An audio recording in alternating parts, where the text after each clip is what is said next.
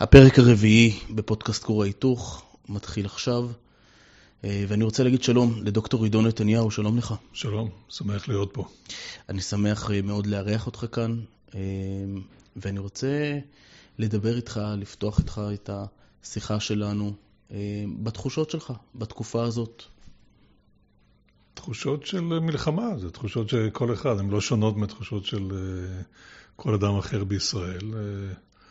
מצד אחד זה כמובן הקושי של, של מלחמה, כמה איך שהיא נפתחה, איך שהיא התחילה, עם הרציחות הנוראות, שכל אחד זועזע מזה, כולל אני כמובן. ואחרי זה, הייתי אומר, יש התרוממות רוח מזה שאתה רואה שהעם מתגייס, אנשים מעצמם, ככה, הסיפורים שאתה שומע שהם אה, נסעו בעצמם, אה, אף אחד לא גייס אותם, פשוט נסעו ונלחמו באותו יום ובימים אחר כך, ואחרי זה בכלל כל רוח ההתגייסות למילואים ורוח הקרב, הייתי אומר, והרוח הלאומית החזקה שאתה שומע מכל מיני חיילים שנמצאים בשטח, או שמשתחררים, או שמשפחות של הנופלים. אה, זה באמת משהו שהוא לא היה צפוי במידה כזו. אתה באמת, אה, כמו שחמאס לא העריך אותנו, אני חושב שגם אנחנו לא הערכנו את עצמנו. אה, זהו, אנחנו בעיצומה באיזו... של מלחמה, זה, זה התחושות, אין, כן. לי, אין לי תחושות אחרות. ואני רוצה אה, לשמוע ממך באיזו דרך אתה חושב שאנחנו צריכים לצאת מהמלחמה, מה אנחנו צריכים, כמדינה, מדינת ישראל, לאן היא צריכה להגיע אחרי המלחמה הזאת? קודם כל לנצח את המלחמה, קודם כל להביס את האויב, זה התנאי הראשון, אתה צריך אה, להשמיד אותם אה, במידת האפשר, אה, צריך, זאת אומרת, זה... ואחרי זה יש לך את הבעיה של, כמובן, של, של הצפון, של חיזבאללה. האם אפשר בכלל, אפשרי, מן הסדר שירחיק אותם מהגבול ולא יאפשר להם לחזור? אולי. אני לא יודע, אני לא יודע אם זה אפשרי. אם זה לא אפשרי, צריך לדאוג לזה, לחסל גם אותם במידת האפשר, או לתת להם מכה כזו שהם לא, יהיו, לא יתקרבו אה, אה, לא עשרה קילומטר ולא עשרים קילומטר מהגבול. אה, אתה חושב שזה היה צריך להיעשות כבר? הכל היה צריך להיעשות, אבל השאלה אם יש, אה, הייתה נכונות אה, ציבורית לעשייה הזאת. זאת, זאת הייתה הבעיה. אני חושב שבעקבות מה שקרה ב-7 באוקטובר, אנחנו מבינים שיש תמיכה, גם משמאל וגם מימין, בתיקון המצב. אני לא חושב שהייתה תמיכה כזו לפני זה. מה גם חשבנו? שאנחנו מוגנים. יש את הגדר, יש את האמצעי התראה, יש את כיפת ברזל. חשבנו שאנחנו אה, נמצאים במקום טוב, אוקיי? מדי פעם יורים טילים, זה פחות או יותר מה שחשבו. אין ספק שזה מה שהצבא גם חשב, מה שראשי הצבא חשבו כשהעירו אותם בשלוש בלילה, והמודיעין, ובעצם כמעט לא עשו שום דבר, מכיוון שהם האמינו בדברים האלה. אני לא חושב שהם אה, בכוונה לא, אה, לא אה, הפעילו את הכוחות שהיה צריך להפעיל, אלא באמת האמינו במה שהם האמינו כל הזמן, שלא רק שהחמאס מוטל, גם שאין לו יכולות להתגבר על מה המכשולים שאנחנו הצבנו בפניו. טוב, זה התברר כלא הערכה לא נכונה לגמרי, אבל אה, אה, אנחנו חייבים כמובן לשנות את המצב מהיסוד, גם, גם בדרום וגם בצפון. אין, אין שום ברירה אחרת. כן, אבל זה כבר ברור, כמו שאתה אומר, שהייתה כאן קונספציה בישראל, עד לשביעי לאוקטובר, איפה הייתה הקונספציה, לדעתך? טוב, באיזו הקונספ... נקודה? הקונספציה התחילה מהטירוף של אוסלו, מהטירוף שאפשר לחשוב שהאנשים האלה מחבלים טרוריסטים ששונאים אותך בלב ובנפש ומדברים אה, במשך דורות על חיסול מדינת ישראל ושאין שום מקום למדינה יהודית ואסור להכיר במדינה יהודית, אה, לחשוב שלקחת את האנשים האלה ושהם אה, באמת יהפכו איתנו לשותפים לשלום ולהביא אותם לוושינגטון, כן, לבית הלבן, ושיקבלו פרס נובל, ערפאת, הרוצח הזה. זה היה טירוף הדעת, שנבע כמובן מ... מרצון להאמין, מרצון, ש... ומרצון להתכחש לכל הסימנים האחרים שהיו, הסימנים ברורים, הוא דיבר על זה באופן גלוי, ערפאת, לא באופן גלוי, אבל הקלטנו אותו, מדבר, או הקליט אותו, מדבר על זה שזה תרגיל, תרגיל הונאה, אוקיי? לא התייחסו לזה. כביכול תצרוכת פנימית. טוב, התצרוכת הפנימית זה התצרוכת האמיתית, זה מה שהם באמת, מייצגים את העם שלהם. אה, אז קודם כל הקונספציה הייתה מראש קונספציה מוטעת של אה, אמונה שאפשר להגיע עם אה, הישות הפלסטינית זו אחרת, שכל המהות שלה זה, הרי זה לא המהות של הקמת עם פלסטיני, זה מהות של חיסול היהודים, זה המהות של העם הזה שנקרא עם פלסטיני. ולכן המחשבה שאפשר להגיע איתם להסדר, ושהם יעמדו במין הסדר כזה, והשאיפות שלהם התבטלו, מראש היה כמובן זה היה הבל ורעות רוח, אני לא יכול, לרוח, אני לא יכול לקרוא לזה אחרת. אה, אני לא חושב שזה עניין פסיכולוגי, זה עניין של כן. ראייה מדינית אה, לקויה.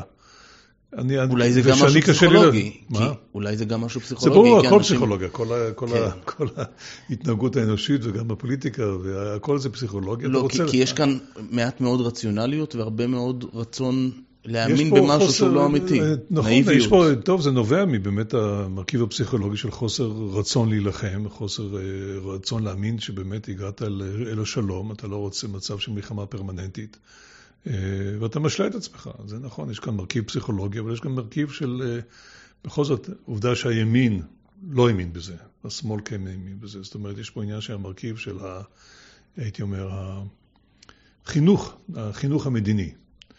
החינוך המדיני של הימין, שאמר, אנחנו, הם לא הסכימו, לא יעזור שום דבר, זאת ז'בוטינסקי דיבר על זה, רק בכוח, קיר הברזל, איך שהוא קרא לזה, בכוח הזרוע, אוקיי?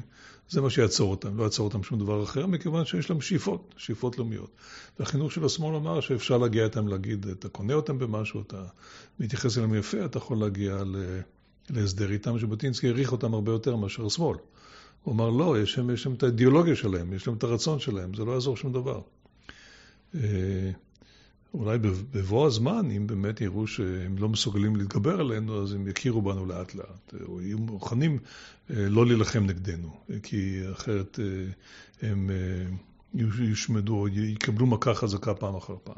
יאמרו... לכן יש פה גם עניין פסיכולוגי, כן. כמובן שכולנו רוצים בשלום, אבל יש פה גם עניין באמת של חינוך, של ראיית עולם, הייתי אומר, חינוך מדיני. שני מרכיבים ביחד, אבל עד כדי כך שבאמת... הם האמינו לרוצח הזה והשקרן הזה, ערפאת, והאמינו לכל הדבר, משונה, כל הדבר הזה הוא משונה, קשה לי להסביר את זה. ואחרי זה הטירוף של ההתנתקות מעזה, שלחשוב, גם כן, שוב, אתה חושב שאתה עוזב אותם, הם לא ירדפו אחריך. טוב, גם זה, גם זה היה... גם כן קשה, לה, קשה להבין שאדם כמו אריק שרון הלך שולל אחרי הרעיון הזה. לא, לא ברור, כל העסק הזה לא ברור. יאמרו בשמאל, אה, having said that, אחרי שאמרנו את כל הדברים האלה, בסוף זה קרה במשמרת של הימין. נכון, כן, בסדר. בסדר, הייתה קונספציה שאנחנו, שהם מורתעים, זה לא שהימין האמין שהם לא רוצים להשמיד אותנו, אף אחד לא אמר את זה בימין, איש לא חשב על זה ככה. לא חשבו, השמאל חשבו שאפשר להגיע להסדר, אפילו כאלה שחשבו שאפשר להגיע להסדר, שלום עם, עם החמאס, כל הזמן דיברו על זה, אוקיי? מי בשמאל לא דיבר על זה? אה, הימין לא חשב ככה, אבל אה, הימין אה, סבר שמה ש... מה שהערכות של, ה... של האמ"ן ושל הצבא ושל המוסד ושל השב"כ, המוסד לא יודע כמה זה קשור, שהערכות שהוא חמאס מורתע. בסדר, האמינו, נכון, הקונספציה הייתה לא נכונה. אין כאן, אין כאן שום שאלה בכלל. מה השינוי? הוא לא, הוא לא, זה לא שהוא, זה לא שהאמינו, הממשלה האמינה ש... הוא מורתע שלא יתקוף אותנו לתמיד, אלא שהוא מורתע בינתיים הוא לא יתקוף אותנו בטילים, גם לא חשבו שהוא ייכנס, כי חשבו שהוא לא יכול להיכנס רגלית, אוקיי? זה כבר עניין שבאמת של הגורמים, הייתי אומר, באמת, באופן ריאלי, בלי קשר לזה שאני אחיו של ראש הממשלה, זה באמת עניין של הערכות של הצבא. שאולי הממשלה לא צריכה לקבל אותם, יכול להיות, אבל בכל מקרה הצבא היה פועל על פי הערכות שלו. אם הם לא טרחו להעיר את ראש הממשלה באמצע הלילה, סימן שהם לא התייחסו בכלל למה שהממשלה או ראש הממשלה יגיד בעניין הזה, והעדיפו לא לשמוע בכלל מה הוא יגיד בעניין הזה, כי אולי הוא יורה להם לפעול בצורה שהם לא מעוניינים לפעול. ואחרי שקורה דבר כזה על ידי הצבא, מחדל כזה שבאמת הצבא אה, נתפס בכלכלתו, מה צריך לקרות בצבא? קודם כל לנצח במלחמה. זה, כמובן. אוקיי, אחות אחר כך מה היה, באיזה מידה הם שגו, זה ברור שהם שגו, ומה צריך לקרות, אני לא יודע. לא, לא, לא על כל דבר צריך להעניש. כל הרעיון הזה שאם אתה נכשלת במשהו, אתה צריך להעניש מישהו.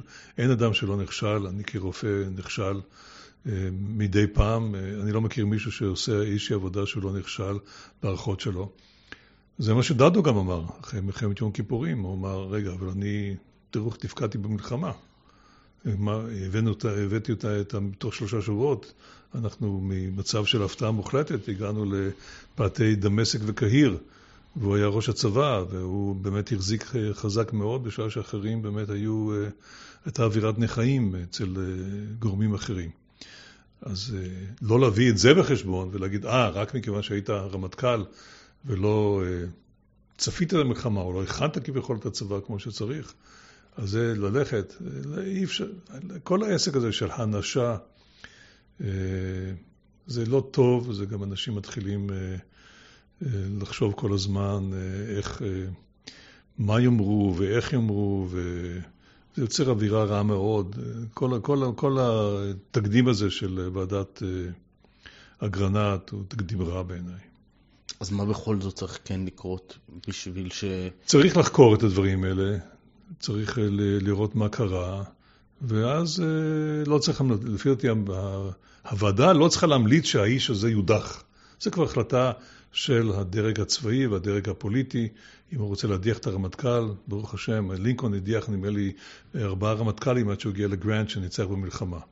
הוא כמובן, הנשיא האמריקאי הוא ראש הצבא, הוא יכול לעשות את זה בקלות. הממשלה רוצה להדיח את הרמטכ"ל כי הוועדה מצאה כך וכך וכך, זה בסדר גמור. או לא, או כי הוא מתפקד מצוין בזמן המלחמה, עושה רושם שהוא מתפקד באמת מצוין. יש, פה, יש לנו הצלחות בלתי רגילות, עם מעט מאוד נפגעים. אה, באמת מלחמה קשה ביותר, מבחינת אה, שטח, אה, שטח בנוי. באמת יש זה די מעורר פליאה. אז אני לא יודע, אני לא, לא חקרתי את זה, אני לא יודע גם התפקוד של הצבא, ואני רק מסתכל ככה מלמעלה, וזה הרושם שאני מקבל. אבל ועדה צריכה לחקור מה לא היה בסדר, מה היו כישלונות. אני מקווה שגם הצבא יחקור את עצמו. ומגיעים למסקנות. ביחס ל, uh, למסקנות אישיות, אני נגד זה לגמרי. זה לא, זה לא התפקיד של ועדה. ואחרי ועדת אגרנט גם הייתה ועדת כהן בקשר לסבו ושתילה, גם שם אה, היה עניין של אה, אהרן ברק, שהמליץ ששר הביטחון יתפטר, כן? הוא כבר מחליט שאיש פוליטי יתפטר. זה בכלל שערורייה מדרגה ראשונה, מכיוון שזה עניין פוליטי. אם הוא שר הביטחון והממשלה מחליטה להחזיק אותו וזה לא בסדר, אז הציבור יפטר אותו. לא, זה לא עניין של שופט אה, בית משפט עליון להחליט ש, ששר ביטחון יתפטר. כל, כל המהלכים האלה הם רעים מאוד. וועדת בדיקה צריכה להיות, אין, שם, אין כאן שום ספק, אבל לא, לא מעבר לזה. להצביע על הכישלונות ולהסיק מסקנות. אחרי זה, אה, אם המסקנות הן כאלה שהרמטכ"ל ירצה לפטר את, אה, את ראש אמ"ן, זה החלטה של הצבא.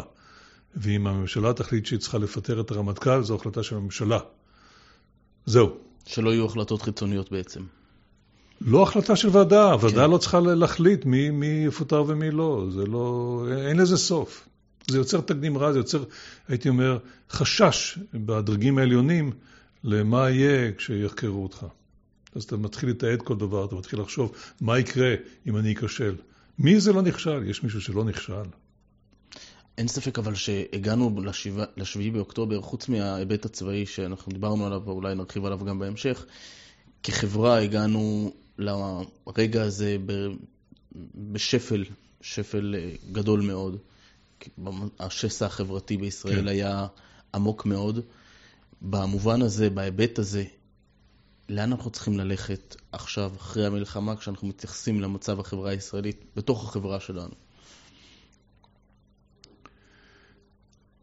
לאן אנחנו צריכים ללכת?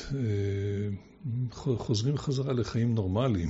לא יודע מה זה לאן אנחנו צריכים ללכת. לא, אנחנו רוצים להשתחרר ממה שהיה לפני השביעי באוקטובר, וגם, צריך לומר, אני גם מאוד- עכשיו, אני מאוד גם, מקווה. גם אני- עכשיו יש מי אני שמנסים מאוד- להחזיר אותנו לאותו נכון, אני מצב. מאוד מקווה שאלה שמנסים להחזיר אותנו, ואלה שכרגע באמת המשחק הפוליטי הוא מכוער מאוד, מה שהם מנסים לעשות, אבל מעבר לזה, אה, אנחנו צריכים באמת... אה,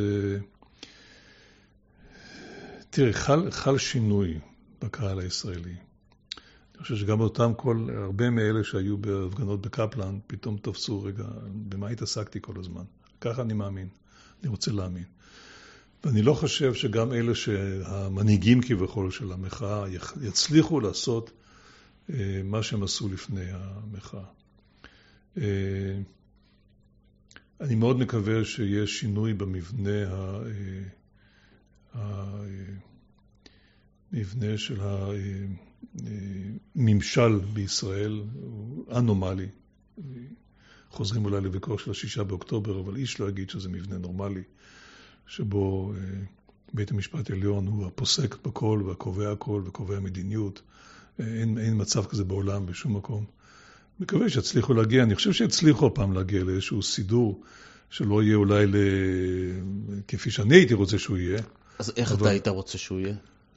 כמו שיש בכל מדינה אחרת, דמוקרטית אחרת, שיש אה, מגבלה על בית המשפט העליון, שהוא לא יכול להחליט כל דבר, שהוא לא יכול לקחת החוק לידיים. אה, אמנם יש נטייה בעולם המערבי לתת יותר ויותר כוח, זאת אומרת, השופטים לוקחים לעצמם את הכוח, אבל יש גם התנגדות עצומה.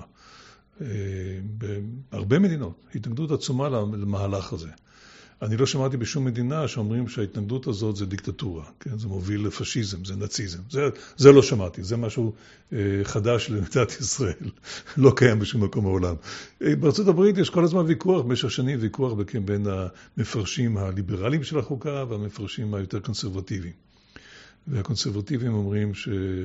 והם עכשיו גברו, כן, הנשיא מינה אה, יותר בבית המשפט העליון, שהם מעדיפים לפרש את החוקה על פי מה שכתוב בחוקה, על פי החוק היבש של החוקה. בשעה שליברלים אומרים, לא, זה, אנחנו מפרשים אותם על פי, פחות או יותר על פי ראות עינינו, לא לגמרי, לא כמו מה שיש בבית המשפט הישראלי לפעמים. לנו אין חוקה, אבל זה לא, לא כביכול חוקה של חוקי יסוד. אוקיי, יש פה תהליך אה, באמת, יש פה מאבק פוליטי בין, אנחנו יודעים את זה, אני לא מחדש פה לאף אחד שום דבר, מאבק פוליטי בין אה, הדרג ה, אה, שמעוניין שתהיה שליטה, או אה, הייתי אומר, החלק בציבור שמעוניין שתהיה שליטה של אנשים שהם לרוחם, שהם האנשים הנאורים שיקבעו לנו, כן, כמו שאפלטון רצה. גם אם זה לא דמוקרטי בעליל. אה, הם טוענים שזה כן דמוקרטיה, ככה זה בעיניהם דמוקרטיה, אבל כמובן משתמשים במילים, אה, אבל זה, זה לא... דמוקרטיה מהותית אה, ודמוקרטיה. כן, נכון, אוקיי, אז משנים את המילה, אומרים דמוקרטיה מהותית, כן. טוב, זה, זה השיטה של אפלטון, שכמובן הוא היה אנטי דמוקרט, הוא ראה מה שקרה בדמוקרטיה באתונה, שהם הוציאו להורג את סוקרטס, והוא, אה, אם זה רק מהסיבה הזאת או מסיבות אחרות, הוא כמובן רצה ממשל של אנשים נאורים, אנשים משכילים, שהם אלה שיקבעו, כי הוא לא האמין שהעם יכול לקבוע משהו. זה מה שקורה פה. אמסלם לא יכול להגיד לי שום דבר, כי הוא מדבר עם הידיים ומדבר מבטא מזרחי, אני יודע מה, לא, לא משנה מה. אה, ומי שחובש כיפה על הראש גם כן אה, הוא פסול, ואדם כמוך עם זקן, אני לא יודע מה, הוא גם כן פסול, ואלה לא אנשים שצריכים לקבוע למדינת ישראל, אלא האנשים הנאורים, המתורבתים, הטובים, אוקיי. זה, זה הגישות, זה הגישות, תראה, אותו מאבק קיים בכל המקומות, בכל המערב. אנחנו, בעצם אנחנו חיכינו את מה שקורה במערב. אלא שפה זה הגיע לקיצון. נכון, פה זה הגיע לדרגה קיצונית, בזכות, אני חושב, הכישרון הפוליטי הבלתי רגיל של אהרן ברק. ובזכות, ה, הייתי אומר, ה, כמובן כשיש לך, כשכל העיתונות היא בעדך וכל התקשורת בעדך, אז אולי לא צריך כישרון פוליטי מי יודע מה, אבל היה לו כישרון פוליטי, יש לו כישרון פוליטי. אבל כל העיתונות היא מגויסת, יש פה מצב גם כן אנומלי ביחס למערב, שבמשך שנים כל העיתונות הייתה בצד אחד, התקשורת האלקטרונית כולה הייתה בצד אחד, רדיו, טלוויזיה, אה, והעיתונות הכתובה לא לגמרי.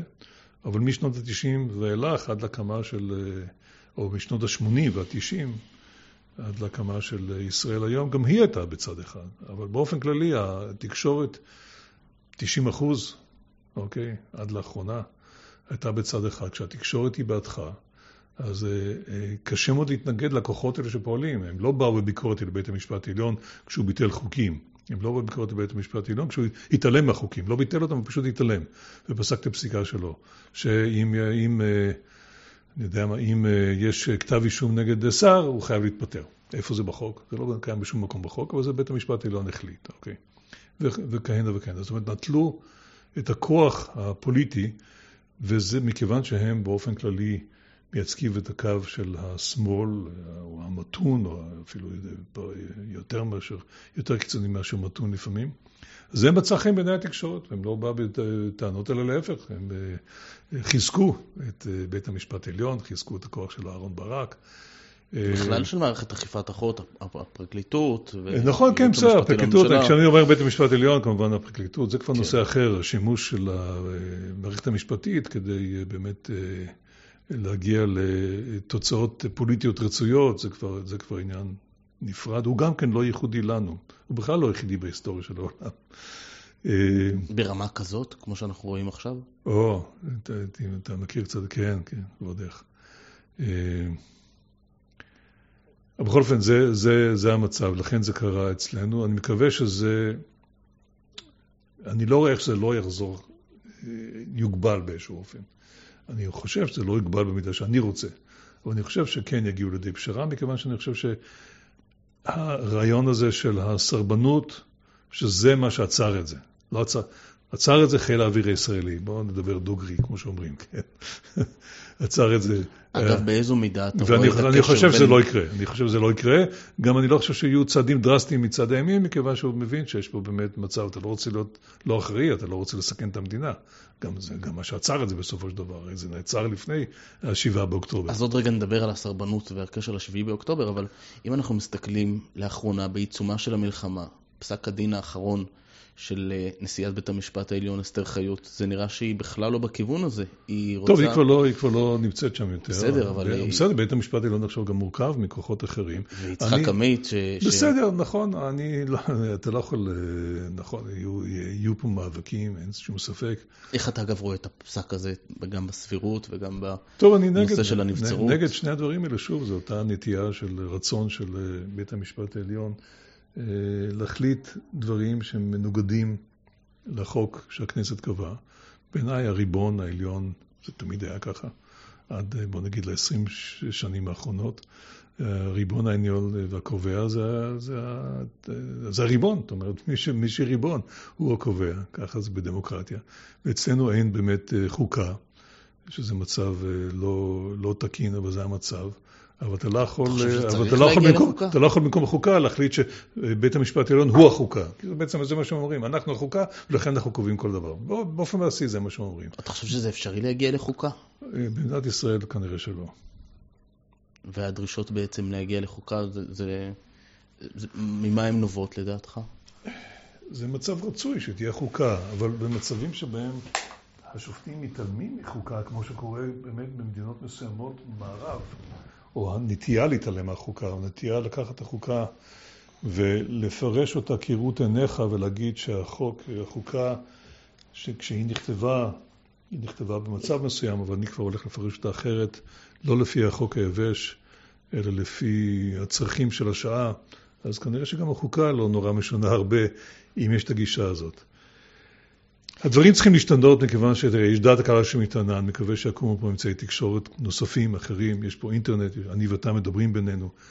אה, השליטה באמת של התקשורת היא כבר לא מה שהייתה.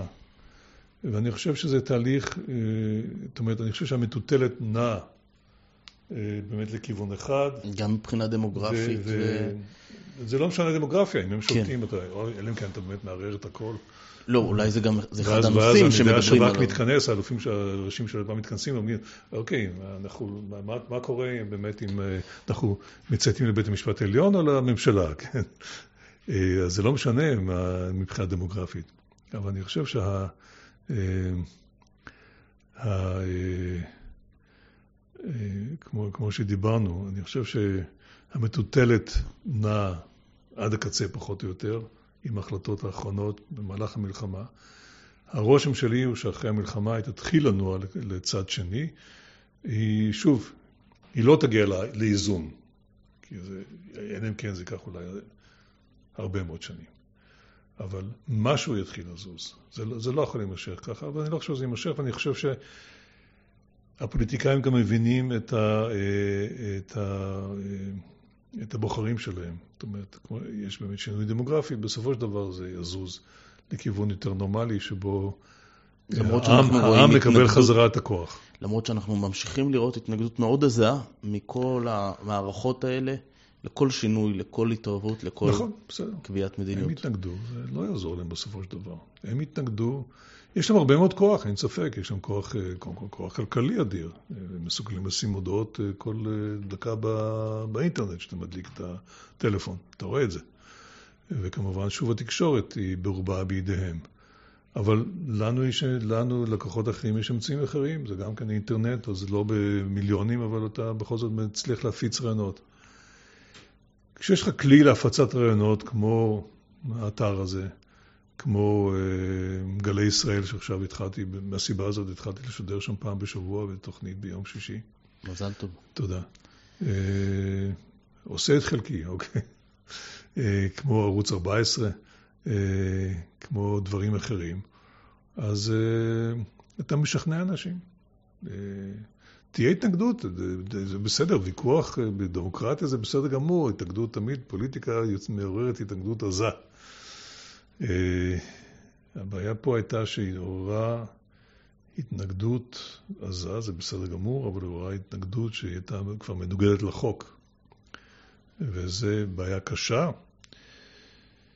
שהיא צריכה להיות מטופלת על ידי גורמי החוק.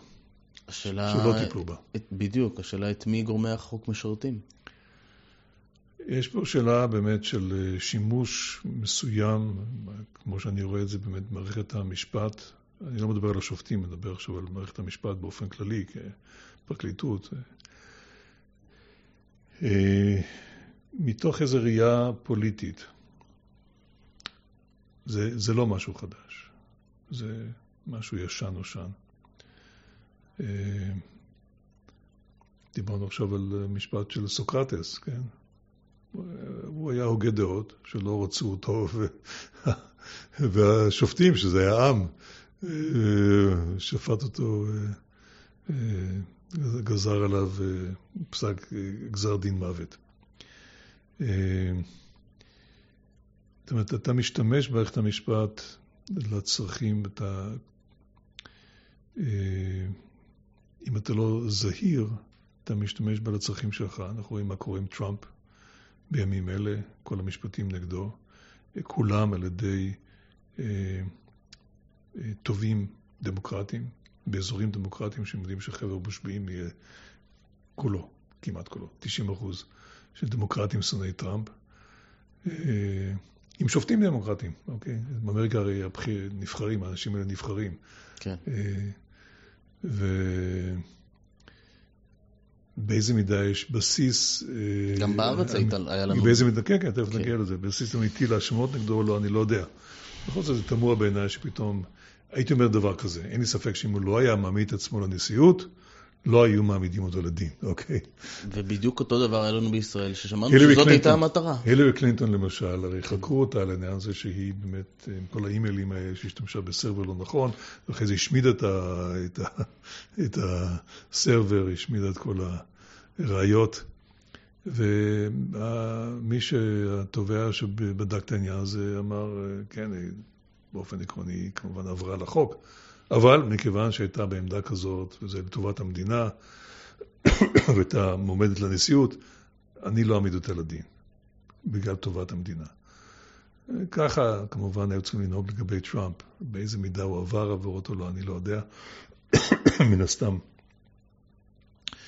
אבל אתה רואה שגם התזמון, התזמון הוא קשור כמובן לבחירות, העמדה לדין והניסיונות כל הזמן לדחוק כמה שזה משפט מצד פרקליטים לדחוק שהמשפט יהיה כמה שיותר מהר, כדי שיהיה פסק דין איזשהו לפני הבחירות נגדו, לפני הערעור, אוקיי?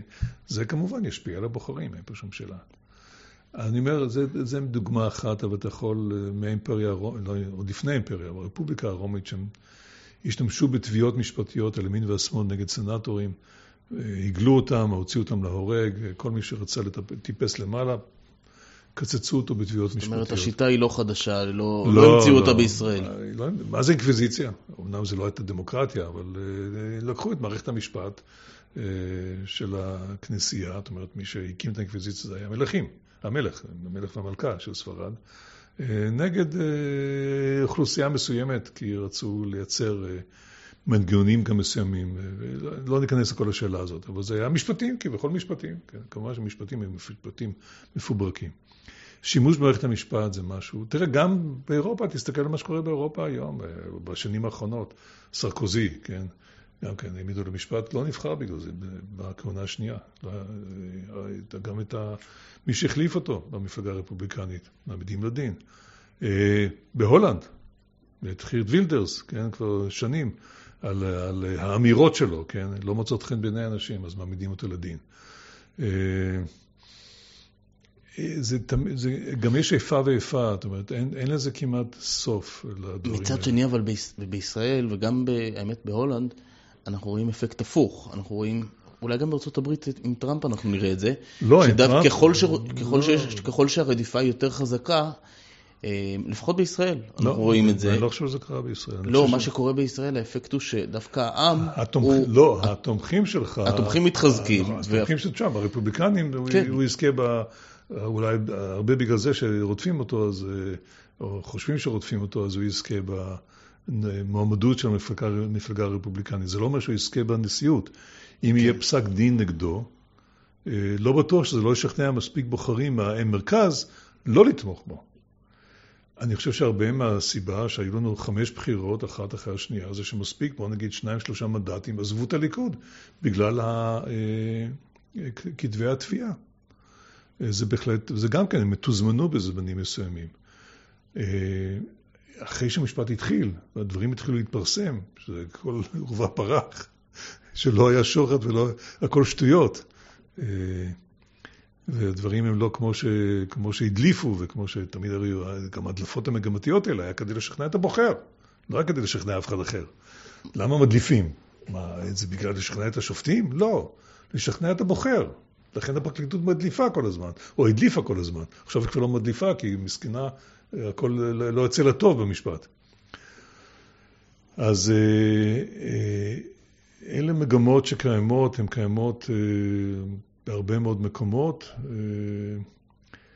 וגם, וגם ה, כמו שראינו, זה שבית המשפט העליון אצלנו החליט שאם תובעים שר, מספיק שמגישים נגדו כתב תביעה, הוא לא יכול לשמש כשר, זה כלי פוליטי בלתי רגיל. ככה נפטרו מכמה שרי משפטים וממועמדות אה, ומשר אה, משטרה, זה נחמד מאוד. אני חושב שגם במקרה שלנו, הם הופתעו אולי לגלות שהפעם זה לא עובד להם, כי, כי כן אנחנו רואים עמידה איתנה ונחושה, ש, שכנראה הפתיע אותם, הם לא, הם לא ציפו לזה.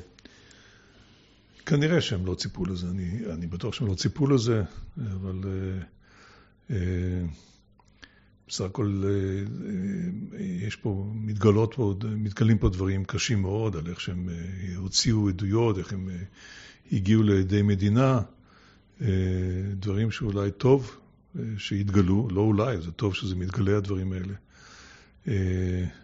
לא שזה עוצר אותם, אני מוכרח להגיד, אבל אני חושב שגם בכאן יבוא שינוי כלשהו, אני מקווה, אני מוכרח לבוא שינוי. זה לא יכול להישאר ככה. אני רוצה לחזור רגע לנושא הסרבנות שהזכרת מקודם. כמה אתה רואה קשר בין הקריאות האלה של סרבנות, שהיו מאוד חזקות לפני השביעי לאוקטובר, למוטיבציה של חמאס של לפגוע בישראל? אני לא יכול לדעת. מה היה מתוכנן מראש, לא ובאיזה מידה זה השפיע עליהם. אין, אין לי שום יכולת לדעת. אני לא, לא יצא לי לדבר עם uh, סינואר בזמן האחרון. ואני לא יכול לדעת מה עבר לו בראש. השאלה היא בעצם מה שאני מתכוון לומר, כמה קריאות כאלה מחלישות אותנו בעיני האויב. אני לא יכול לדעת כמה זה, זה מחליש, זה מחליש אותנו גם בעיני עצמנו, קודם כל. אה, מה, מה זה עושה אצל אויב, אני לא יכול לדעת, לא חקרתי את זה, ואני לא... אין ספק שזה לא... טוב זה לא עשה. האם זה מה שהיה, כאילו, ה... אה, אני חושב שהם לא מבינים בדיוק מה קורה, לא מבינים את העם היהודי, אין להם שום יכולת להבין אותנו. אה, והעריכו לא נכון שהוויכוחים האלה הם סימן לחולשה. אה, יכול להיות שזה אחד הגורמים שהביאו אותם אה, לתקוף אותנו, אבל הסיבה הבסיסית היא שהם רוצים להשמיד אותנו, והם רוצים לערער אותנו, וחשבו שאנחנו, ובזה שהם חוטפים אה, כל כך הרבה אנשים, שאנחנו נרים ידיים ונגיע איתם להסדר, ואז הם ימשיכו לתקוף אותנו יותר, וזה יחליש ויערער את המדינה.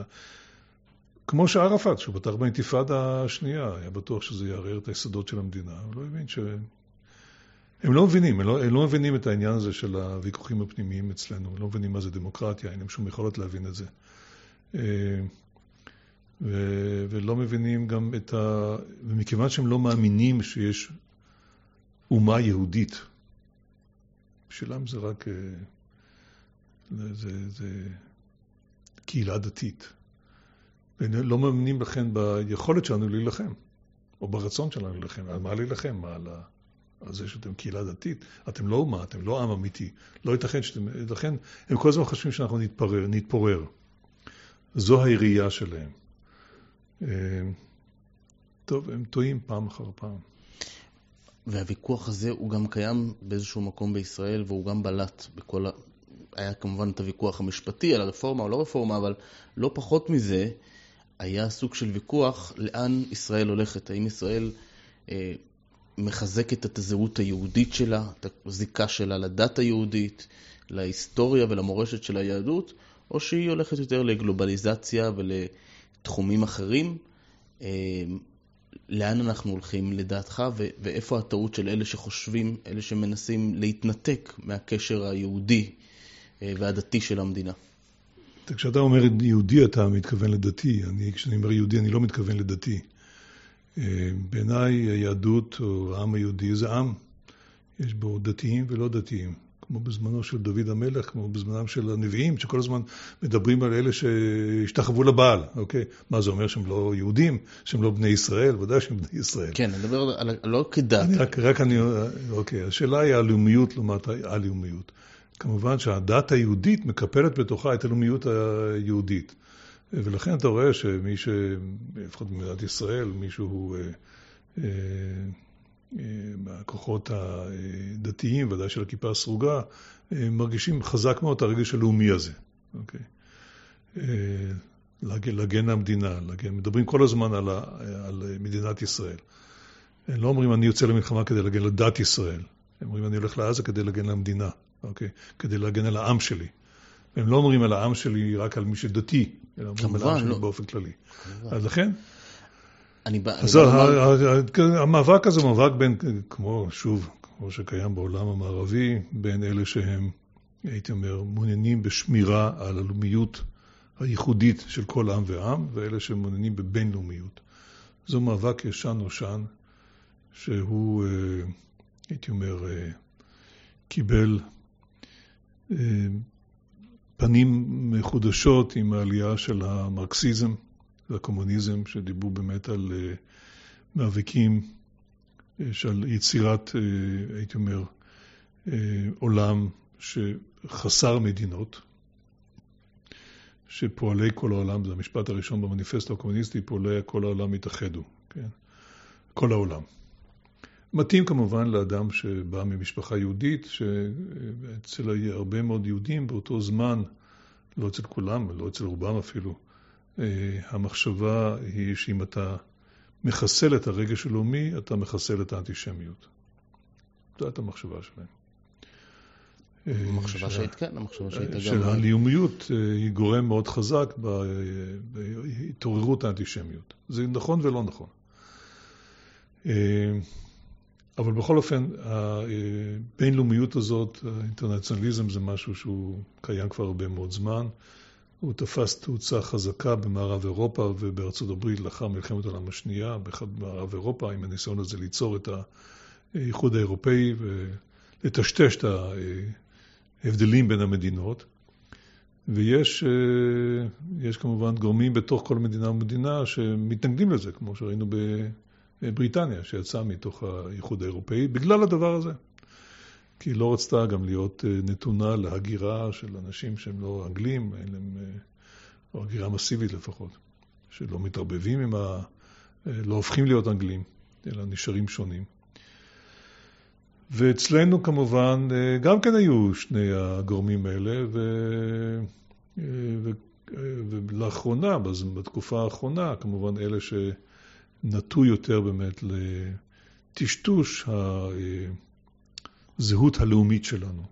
שהיא כוללת בתוכה כמובן את המרכיב של הדת, אין כאן, אין כאן שום שאלה בכלל, ואת ההיסטוריה. בכלל את, את המילה יהודי שהם די בורחים ממנה, את המושג, את המונח יהודי. יכול להיות, אני לא, לא, זה לא, לא, לא דיברתי איתם, אני, יש לי חברים שהם אה, בשמאל והם לא בורחים מהמושג יהודי, אבל הם רוצים להיות חלק מהעולם הגדול, אוקיי? אה, וחושבים אה, שזה אפשרי בכלל. אז אבל... אה, ואז מגיע... ומטילים את האשמה אה, בדתיים, כי הם חושבים שהם אחראים לזה. הם גם כן מתבלבלים בין העניין של הלאומיות והדת. מכיוון שהם כל כך אנטי-דתיים, אז הם הופכים להיות אנטי-לאומיים במידה מסוימת. אה, זה לא משהו שהיה כשאני הייתי נער. זאת אומרת, אתה התחנכת על ההיסטוריה שלך, התחנכת, כל יום היה כמובן, למדת תנ"ך. שזה בכלל מסמך שקשה להאמין שלא בורחים ממנו בלימודים, זה פשוט לא יאומן. מסמך שהשפיע על כל העולם, מסמך שאין אף, לשום עם אחר, אה, יצירה נפלאה כזאת, אה, ודווקא אותה רוצים לגמד ולא ללמד. אני חושב שבאמת עושים את זה בגלל הרצון לברוח מהלאומיות היהודית. אה, אוקיי, זה המאבקים בתוך ישראל, אני חושב שזה, שוב, גם בעקבות מה שקרה ב-7 באוקטובר. חלה התפכחות. חלה התפכחות, הרגש הלאומי כמובן התחזק. אה, תמיד יהיו כאלה שיתנגדו לזה, אוקיי? זה טבע, טבע החיים. אה, שאתה לא יכול למנוע את זה, וגם אתה לא צריך למנוע את זה. יש כאלה לכאן ויש כאלה לשם. עד כמה אבל זה צריך, אה, באמת המסמך הזה, התנ"ך צריך לקבל מקום במערכת החינוך הישראלית? מקום חשוב ביותר. מכל הסיבות. קודם כל, זה מסמך ספרותי, זה מסמך ערכי שאין כמוהו בעצם. הוא השפיע על, שוב, השפיע על כל העולם. אתה לא יכול אה, לחשוב על שייקספיר בלי, לחשוב על התנ"ך. זה היה התרגום של אה, האנגלי הנפלא שעשו מהתנ"ך, וזה כמובן משפיע על כל הכתיבה שלו. אתה לא יכול, בכלל אתה לא יכול, כל התרבות המערבית, אתה לא יכול לחשוב עליה בלי השפעה של התנ"ך. ואם לנו יש את המסמך המקורי uh, בעברית, שאחרים לא יכולים לקרוא, זה כמובן צריך להיות נכס צאן ברזל אצלנו. צריך ללמד כמו שאנחנו למדנו, ויותר אפילו ממה שאנחנו למדנו. וגם היופי הספרותי, זה לא, זה לא לחינם שהערך, הייתי אומר כמעט הערך הראשון שהתנאי בל יעבור כמעט, להיכלל, שמשהו ייכלל בתוך התנ"ך, זה, זה האיכות, איכות הכתיבה. יש שם משפ... דברים אדירים, תיאורים אדירים, משפטים אדירים, בלי קשר כמובן להיסטוריה שלנו ולדת וכל זה. אז על זה לוותר, זה פשוט, זה קשה להאמין, קשה פשוט להאמין. תגיד, אתה, יש לך הסתכלות היסטוריונית בכל אופן? איך אתה רואה את ה... אני לא היסטוריון. אתה לא היסטוריון, אבל אתה בן של היסטוריון. איך אתה כן. רואה את זה בפרספקטיבה היסטורית, את התקופה הזאת של עם ישראל בארץ ישראל? זו תקופה של התבססות. אה, זה לא פשוט להתבסס בתוך טריטוריה שהייתה שייכת או חיה בה, חיה באוכלוסייה זרה, עוינת. כל אוכלוסייה מקומית, ברגע שאתה בא ונכנס, היא עוינת, הופכת להיות עוינת, לא יעזור שום דבר. אבל הייתה איזו מחשבה אחרי למעלה מ-70 שנה, ש... שכבר אנחנו די מבוססים פה, פתאום ב-7 באוקטובר זה קצת התערער. הבנו שזה לא מובן מאליו. כן, המחשבה שאנחנו יכולים לחיות לא על החרב, הייתה ישנה מאוד בציונות. היו ב, ב, כל הזמן בטענות אה, לז'בוטינסקי על הצבאיות שלו, שהוא מחנך את הצעירים לצבאיות, תנועת בית"ר. כמובן שהם חיכו אותו כעבור עשר שנים, עשו את זה טיפה מאוחר מדי. גם בישראל, אה, אני חושב. שעד השביעי לאוקטובר, אם היית אומר לנצח נחיה על חרבנו, במקומות מסוימים היו מסתכלים עליך בעיניים אה, עקומות. זה, אני לא חושב, אני לא מאמין שזה לנצח. אני חושב שלנצח אתה צריך לשמור את היכולת אה, הצבאית החזקה מאוד, חזקה ביותר, שאתה יכול לחשוב עליה. אה, ואנחנו, אין ספק, נגדיל את הצבא, ונגדיל את חיל האוויר, ונגדיל את כוחות יבשה, ונגדיל את אה, אה, כל, כל הדברים האחרים. זה יעלה בכסף, אבל אין, אין ברירה. אבל זה לא אומר שאנחנו כל הזמן נילחם דווקא. אם באמת אנחנו, ואני מאמין שזה יקרה, נגיע באמת לחיסול החמאס בעזה, ו... וגם בלבנון. ולבנון, אה, או שתהיה, מתישהו תהיה מלחמה, אני מתאר לעצמי, לא יודע אם בזמן הקרוב או מתישהו, כי אתה לא יכול לעצור את חיזבאללה. בוא נגיד שתגיע להסכם שהוא יחזיק מעמד עשר שנים. אתה חושב מה. שישראל צריכה ליטול יוזמה בהקשר הזה? אני לא יודע. אם, אה, אני לא יודע מה מצב הצבא, מה מצב הכוחות, איזה טילים בדיוק יש להם, מה הסכנות של מלחמה. אה, אני הייתי מאוד שמח שחיזבאללה יושמד, אבל הוא לא יושמד, אתה צריך, אתה צריך להשמיד אותו, אתה צריך לכבוש את כל לבנון, מה שאנחנו לא נעשה. מצד שני, אבל האיום, היום, האיום משם הוא גבוה נכון, מאוד. נכון, השאלה איך אתה מחסל את האיום שלו, והשאלה היא גם מעבר לזה, גם איראן. אוקיי. אה, האם אתה מנצל את המלחמה בלבנון כדי לתקוף גם את איראן? אני לא, אני מדבר מהרהורי ליבי. שאלות הרות גורל. שאיש, שאיש לא יחשוב שאני מדבר על הדברים האלה עם אח שלי, כן.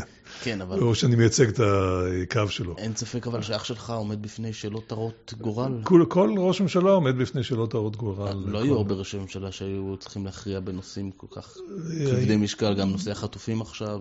נושא החטופים הוא נושא חשוב ביותר, והוא נושא קשה שמקשה על הלחימה שלנו. שאגב, אבל... מה, איך אתה חושב שצריך לפתור את זה? מה זה לפתור? לח... לא להחזיר אותם? להחזיר אותם ודאי. כן, איך, איך, איך אנחנו מחזירים? זו השאלה. אתה אומר, אם, אם זה כרוך בעצירת המלחמה, זה בלתי אפשרי. אתה עוצר את המלחמה, אתה מתאבד. אתה צריך להמשיך את המלחמה עד הסוף. אה, לכן כל, אה, הייתי אומר, כל הסכם, אם יהיה הסכם שכרוך, אם הוא יהיה כרוך בסיכון של עצירת המלחמה, כי אתה עושה איזשהו פסק של ממושך מדי, שאולי יסכן את המשך הלחימה, זה אסור. אה, להגיע להסכם, אם אתה יכול להחזיר חלק מהחטופים, לך תדע כמה מהם בחיים, כמה לא. אם, אם זה הסכם שלא עולה לך יותר מדי, אני בסך הכל בעד, אבל... מה זה יותר מדי? אני לא יודע להגדיר, לכמת את זה, ברור שאלפי מחבלים זה יותר מדי, אוקיי? זה ברור. וגם משך הזמן זה העיקר אולי. משך הזמן, שאם באמת אתה עושה פסק זמן ארוך מדי, ואז נתון ללחצים, אתה מפסיק את המלחמה, נתון לחצים מבית, מבחוץ, ויש סיכוי שלא תמשיך את המלחמה, זה בכלל מחיר שהוא בלתי, בלתי אפשרי, אסור לעשות את זה. כל מחיר שתשלם הוא רע, אבל אם בסופו של התהליך אתה מחסל את החמאס, אז זה כבר, המחיר והתקדים שזה ייצור הוא מתגמד לעומת ההישג הצבאי של חיסול החמאס. זאת אומרת, אתה שחררת חלק מהחטופים, וזה לא משנה, אתה חיסלת אותם, אתה ריסקת אותם לגמרי. אה, ככה אני רואה את הדברים האלה. אני לא יכול להגיד לך מספרים. אבל אה, שום דבר שמסכן את המשך המלחמה אה, לא, לא בא בחשבון. ויש עוד סוגיה שהיא גם קשורה לזה, זה נושא הכנסת הסיוע ההומניטרי. עד כמה לדעתך אה, צריך לאפשר את זה או להגביל את זה? כי זה, אין ספק שזה מפריע להתקדמות המלחמה. אין ספק, אבל מצד שני גם לא, לא לקבל את הנשק האמריקאי, זה מפריע עוד יותר להתקדמות המלחמה, כן. כבוד, ואם תהיה מלחמה בצפון. אז אתה עושה את השיקולים האלה. אני, אה, הכל טוב ויפה, אבל אם, אם, אם התנאי האמריקאי להמשך המלחמה הוא סיוע הומניטרי, וזה בעצם מה שהם אומרים ישר, אמרו את זה מהרגע הראשון, פחות, אין לך ברירה. אילו לא היינו תלויים עד כדי כך בסיוע האמריקאי, היה לנו הרבה יותר כוח באמת לעצור את הסיוע ההומניטרי או לצמצם אותו במידה אה, ניכרת. מכיוון שאנחנו כן תלויים בסיוע האמריקאי, לא רק למלחמה בעזה, אלא גם למלחמה בלבנון, אם תהיה, אין כל ברירה אלא לאפשר את הסיוע הזה. אתה משלם על זה מחיר, אבל אתה מקבל בתמורה הרבה יותר גדולה. אני רוצה לחזור איתך רגע לנקודה שהתחלנו ולא השלמנו אותה. טוב, אנחנו לא חיים באיזה עולם שאנחנו כן, עושים כל מה שאנחנו עולם אוטופי. יכולים. אני רוצה לחזור איתך רגע על המשפט שאמרת שלא לנצח נחיה על חרבנו. למה אתה בעצם מתכוון? הרעיון של אותו רעיון של ז'בוטינסקי, של קיר הברזל, אתה... אם אתה מכה את האויב בצורה באמת מוחלטת, מכה קשה, פעם אחר פעם, הרי מה קרה עם אה, מדינות ערב האחרות? זה לא שהם נעשו חברים שלנו, הם אה, נואשו מהאפשרות להביס אותנו, כי הם קיבלו מכה אחר מכה. אני חושב שזה יכול לקרות גם עם פלסטינאים, וגם אם זה לא יקרה איתם, כל זמן שאנחנו שולטים בשטח, תמיד יהיו מעשי טרור, זאת אומרת, זה לא... אבל אם אנחנו שולטים בשטח, אה, מה הבעיה? הבעיה הייתה שאנחנו ויתרנו על שטח, אוקיי? אתה נותן לארגון טרור רצחני, מפלצתי, אתה נותן לו שטח, אתה נותן לו אה, אוכלוסייה, אז אה, זה רק שאלה של זמן, אוקיי? אם, ואתה יוצא לגמרי. אה, כל זמן שאתה שולט על השטח מבחינה צבאית, דברים נוראים כאלה, יקרו דברים, אבל לא, לא בקנה מידה כזה. אה, אני חושב שאת הבעיה של עזה, היא תיפתר. זאת אומרת, לא שלא יהיו כל הזמן, יהיו קיני טרור ופה ושם, וניכנס ונחסל, ואתה לא יכול למנוע כל זמן ש... אבל הבעיה הקשה, אני חושב שהיא תיפתר. אה, אלא אם כן אנחנו גם כן פתאום אה, נחשוב שאפשר לעשות איתם שלום. הבעיה יותר קשה זה כמובן איראן ולבנון. לבנון זה איראן, וחיזבאללה. אבל רגע, לפני איראן וחיזבאללה, ומה צריך, איזו שליטה צריכה להיות בעזה אחרי שהשלמנו את המשימות המבצעיות שלנו? בכל מקרה, הצבא צריך לשלוט מבחינה ביטחונית. מה יש שליטה אזרחית? אני מניח שבהתחלה שלטון צבאי, אחרי זה, אם אתה מצליח להעביר את זה באיזשהו אופן למין שלטון אזרחי, הבעיה, אבל הצבא צריך לשלוט על הטריטוריה הזאת. Forever. בלי, בלי שום אפשרות לרשות פלסטינית או דברים מהסוג הזה. מה זה הישות הפלסטינית? ישות כלשהי, לא, לא הישות הזאת, לא, לא הישות שקיימת, לא ה... אם אתה יכול להביא פלסטינאים מקומיים שהם אלה שינהלו את הדברים, כל זמן שאתה יכול לפקח על זה מלמעלה, אולי. דוקטור עידו נתניהו, אני רוצה להודות לך על השיחה לא, הזאת. לא דבר, בשמחה. אמ, ושניפגש בנסיבות טובות. תודה רבה. יהיו נסיבות טובות, אני מקווה שניפגש. אמן, אוקיי, תודה. תודה לך.